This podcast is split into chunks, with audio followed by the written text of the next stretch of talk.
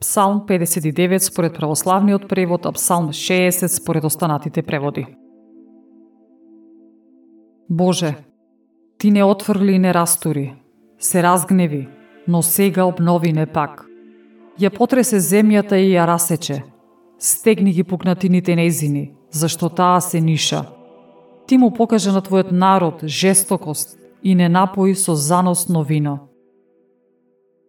На оние што се бојат од тебе, им даде знак за да се избават од убојниот лак. За да се избават твоите возлюбени, спасине со твојата десница и услишине. Рече Бог во своето светилиште. Со веселба ќе го разделам Сихем и ќе премерам долината на Сукот заради поделба.